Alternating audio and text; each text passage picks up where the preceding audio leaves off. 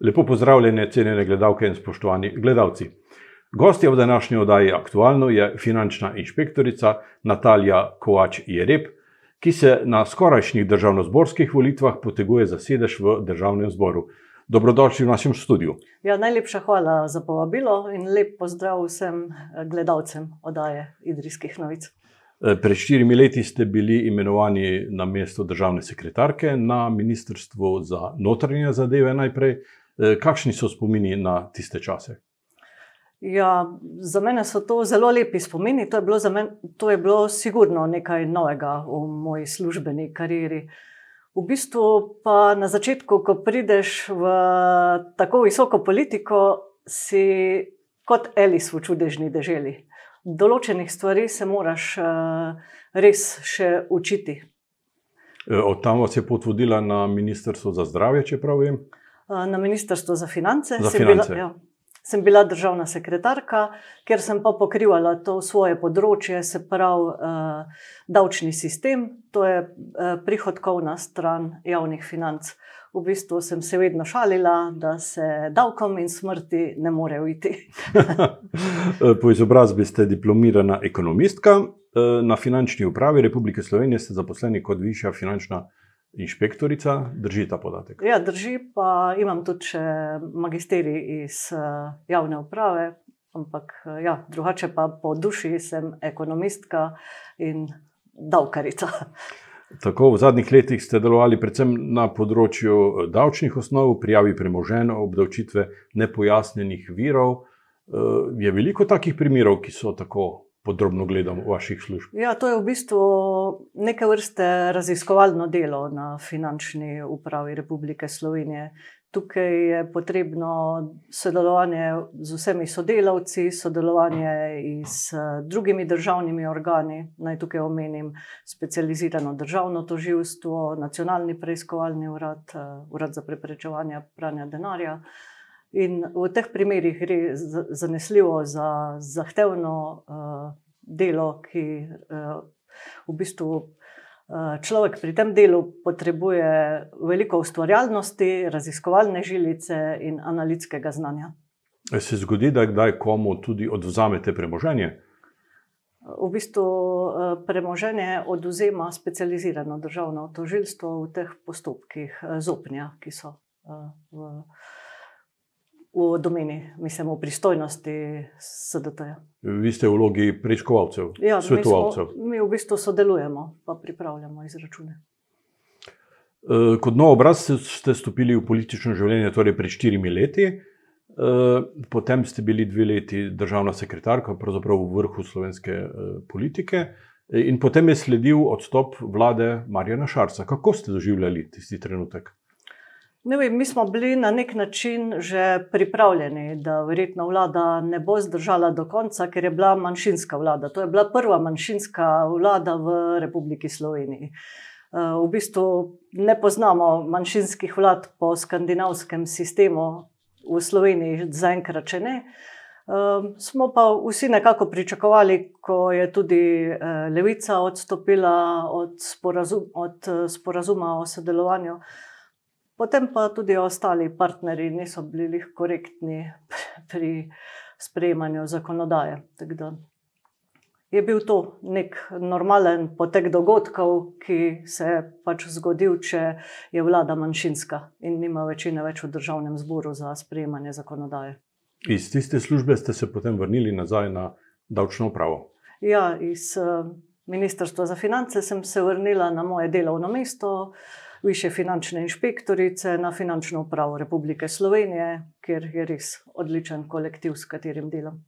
Prej ste delovali aktivno v politiki, sedaj, nenadoma po, po odstopu vlade, pa ste prestopili na drugo stran, ko lahko aktivno opazujete to politiko eh, vladno. Kako ocenjujete današnji trenutek Janševe vlade? Jaz eh, najprej, predno odgovorim na vaše vprašanje, bi želela eh, povabiti res vse državljane in državljanke, da se 24. aprila udeležijo volitev, da niso kaut selektori, niso šank selektori, ampak opravijo to aktivno vlogo, da se udeležijo eh, državno-zborskih volitev 24. aprila. Jaz lahko ko se, se pravi, če zdaj vam odgovorim na vprašanje, jaz dejansko lahko ocenjujem ukrepe na davčnem področju. Uh, nekako pa se mi ne zdi uh, prav, da se v tej vladi uh, onemogoča svoboda govora in razgradnja javnih medijev. Ste opazili, mogoče, da se je kateri od teh projektov, ki ste jih vi peljali ali vaša ožja ekipa, v tej vladi Jana Zajanče, ki vas je nasledila, eh, nadaljeval? Seveda, nadaljevale so se naprej tudi davčne reforme. Ravno včeraj so bile objavljene dohodninske spremembe, tudi mi smo začeli z razbremenjevanjem, se pravi, eh, dela, mi smo razbremenili regres do povprečne plače, tako da vsi zaposleni v Republiki Sloveniji dobijo više neto dohodke. Eh, tudi dohodninsko lestvico smo mi v bistvu korigirali, eh, vendar je ta vlada še naprej ne, opravljala te dohodninske spremembe, čeprav je pa fiskalni svet opozoril, da te spremembe pač eh, javnofinančno niso vzdržne. Eh, sedaj je v parlamentu bil sprejet zakon, s katerim se bo znižala dohodnina, se bodo plače povišale. Vaši strankarski kolegi so pravzaprav glasovali proti. Je to na nek način bilo pričakovano zaradi načina dela v državnem zboru? Uh, pričakovano je bilo zaradi opozoril fiskalnega sveta, ker se javnofinančni dolg s tem še povečuje. Mogoče bi bilo pametno s temi spremembami počakati še kakšno leto ali dve, ko se tudi razmere na javnofinančnem področju stabilizirajo.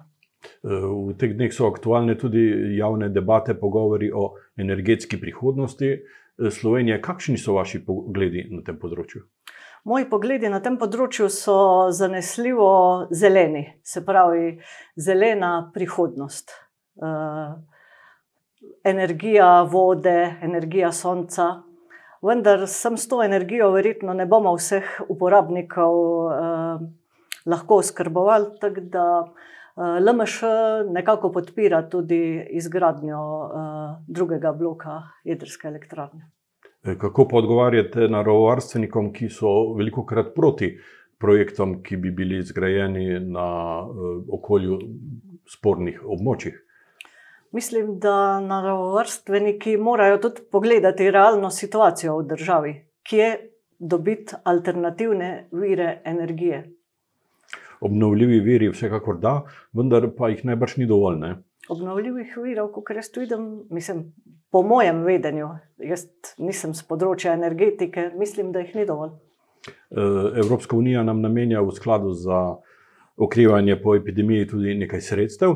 Obstaja bojazen, da teh sredstev kot država celo ne bomo mogli vseh porabiti.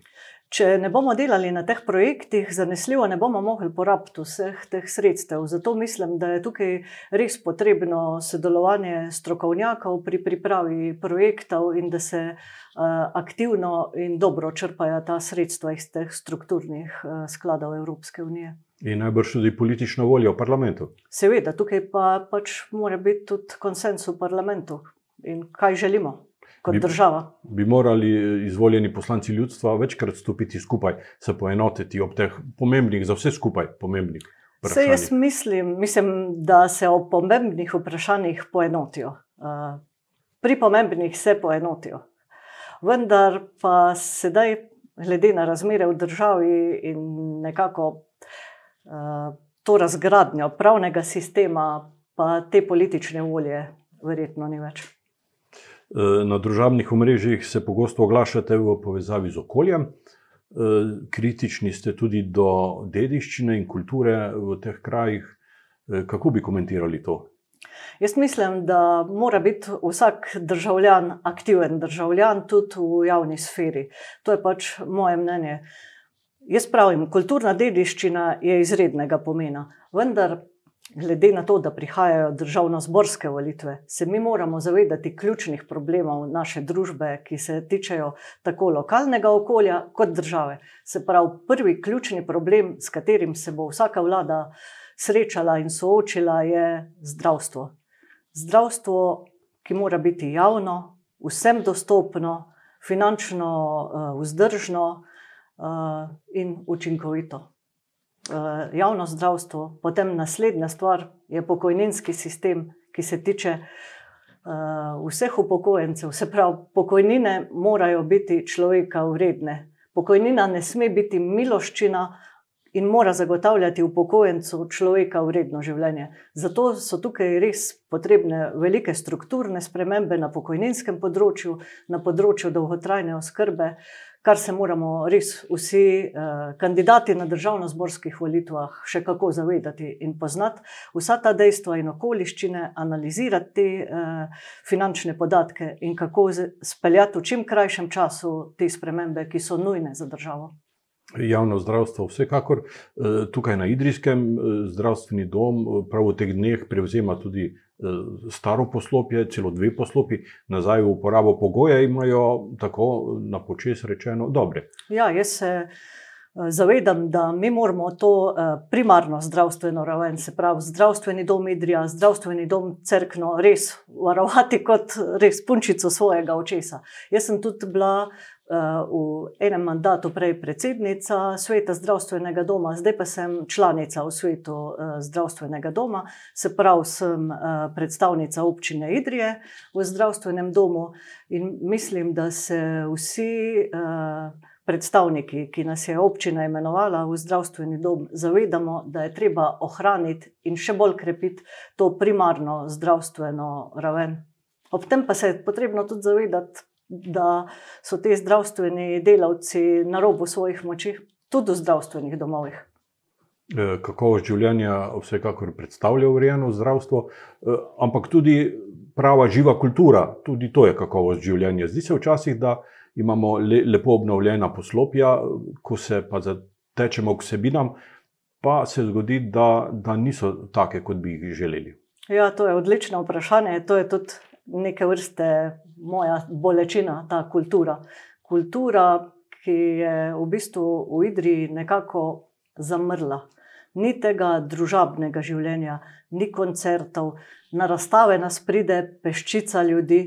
Naprimer, jaz vidim zelo večjo aktivnost v tej civilni družbi v občini Cerkno. Naprimer, eh, če dam za primer eh, eh, koncerte pri teh letnih, let, vsakoletne koncerte, jazz crkno, aktivnost civilne družbe, kot so te divje babe. Mislim, to jaz pozdravljam in nekaj takega pogrešam v Idriji. Se pravi, večji poudarek eh, na tej eh, kulturi v samem mestu, v sami, samem središču Idrije in da se to nekako vključi čim več ljudi, predvsem pa pogrešam aktivne mlade. Ja, smo pa sočasno v državi medvedov. Idrija je uvrščena prav v osrednje območje medveda. Ja, Živite blizu? Jaz dogodkom. živim pod gozdom, ja. v bistvu živim tudi tam, kjer je medved napadel čebeljak. Uh, Jaz nisem strokovnjak eh, na področju lovstva in gozdarstva in težko to ocenjujem, sem pa izredno velika ljubiteljica živali. Tako da jaz to, res, to vprašanje prepuščam strokovnjakom, zakaj je do tega prišlo. Verjetno tudi zaradi podnebnih sprememb. To je tudi, mislim, da je eden izmed vzrokov. Drugač pa jaz eh, to res prepuščam strokovnjakom, ne iščejo vzroke, zakaj je do tega prišlo. Je pa res škoda, ki se dela na eh, čebeljakih, na drobnici. Vendar to morajo pač strokovnjaki zaznati in tudi ukrepati. Ja. Ne samo zaznati, ukrepati, predvsem. Eh, občani tako lajčno ugotavljajo, da se slabo počutijo, neko nelagodje v predvsem večernih nočnih urah, če kosmocenci lomastijo po okolici mesta. Um, se pravi, jaz živim pod gozdom, res sem zadnja, mislim, mi živimo pod gozdom, smo zadnja hiša pod gozdom in tega nelagodja pri meni ni, se pravi, težko ocenjujem to ker ne poznam dejansko res eh, to, kar bi mogli strokovnjaki iz področja kmetijstva, gozdarstva in lovstva to situacijo poznati, obvladovati in ukrepati. Eh, ljudje na podeželju, pa tudi v manjših krajih, tarnajo nad tem, da so izgubili najprej eh, vaše trgovine, potem so se zaprle pošte, banke, bankomate so jim odpeljali. celo pošta v cerknem je ob sobotah kar zaklenjena. Kam to pelje, je to še kakovost življenja? Mi se moramo najprej zavedati, da te javne ustanove, kot je pošta, ki je javna ustanova, se pravi, mora nuditi servis vsem državljanom in državljankam, v tem primeru občanom in občankom na lokalni uh, ravni. In tukaj bi mogoče nekako pogrešala večjo aktivnost eh, lokalne skupnosti pri teh pritiskih, da se te ustanove nazaj vrnejo v mesta, pa, pa dajo občanom res uh, kakovostne storitve. Nikakor ne podpiram te centralizacije. Ustanove se morajo decentralizirati, to je prvi pogoj.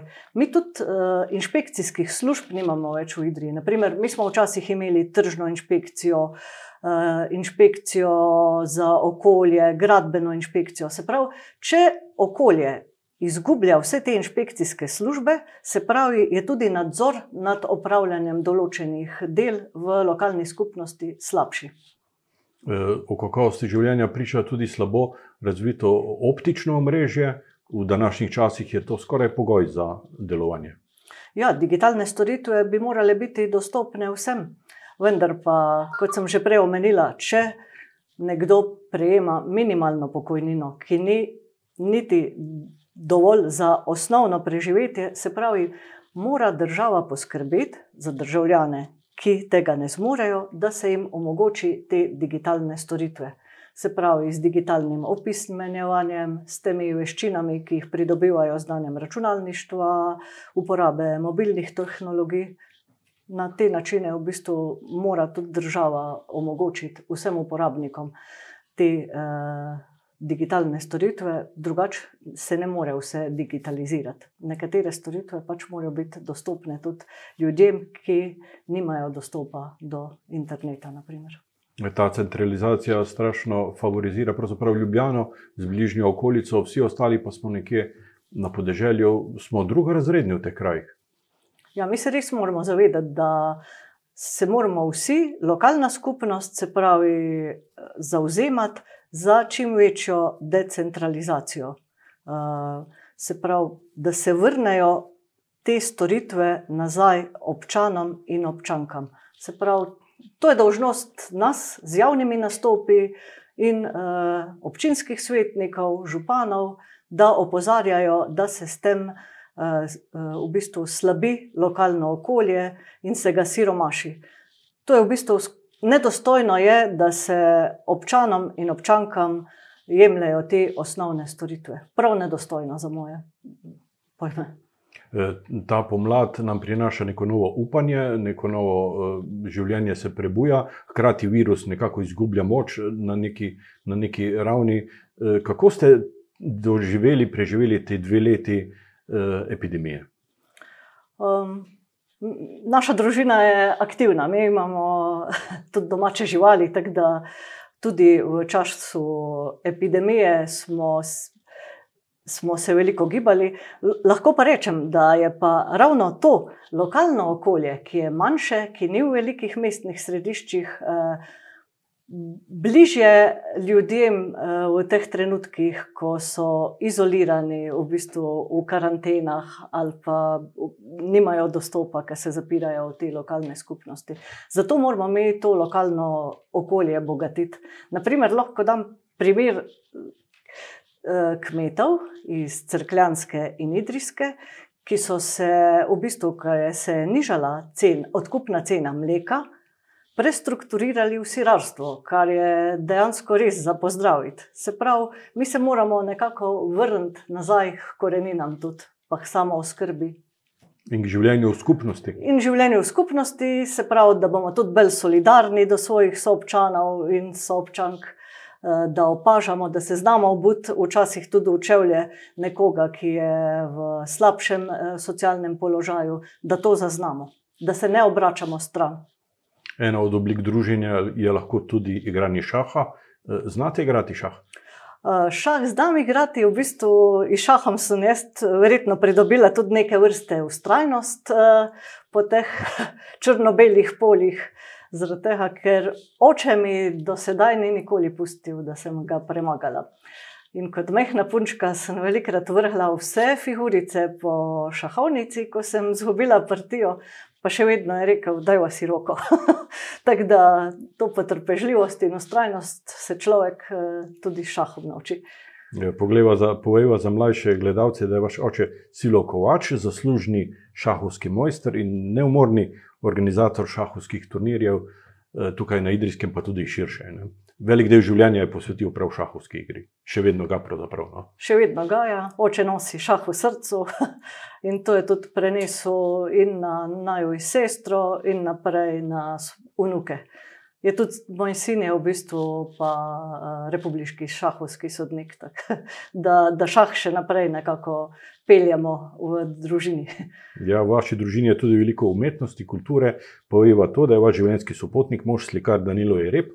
Ga spremljate na tej njegovi poti? Ja, ja jaz ga stalno spremljam, sem verjetno tudi uh, naj, najostrejši kritik njegovih del, tako da se včasih uh, tudi uh, krešejo mnenja pri kakšnem likovnem delu. Drugač pa sem jaz res, ja, velika ljubiteljica umetnosti, uh, tako literarne, posebno poezije, slikarstvo obožujem. tako da res, uh, ja, umetnost je moj hobi, bi lahko rekla. Ja. Lepo. E, Natalija Kovač je rep na skorajšnjih volitvah za državni zbor, kjer boste kandidirali za poslanko na listi stranke Marjana Šarca. E, vam e, želim vse dobro, pred vami je najbrž zelo naporen mesec, teh opravil je običajno veliko. Naj se vam vaše želje in pričakovanja uresničijo. Hvala, da ste prišli v nas studio in hvala za ta pogovor. Ja, jaz se vam najlepše zahvaljujem za povabilo in vse gledalke in gledalce.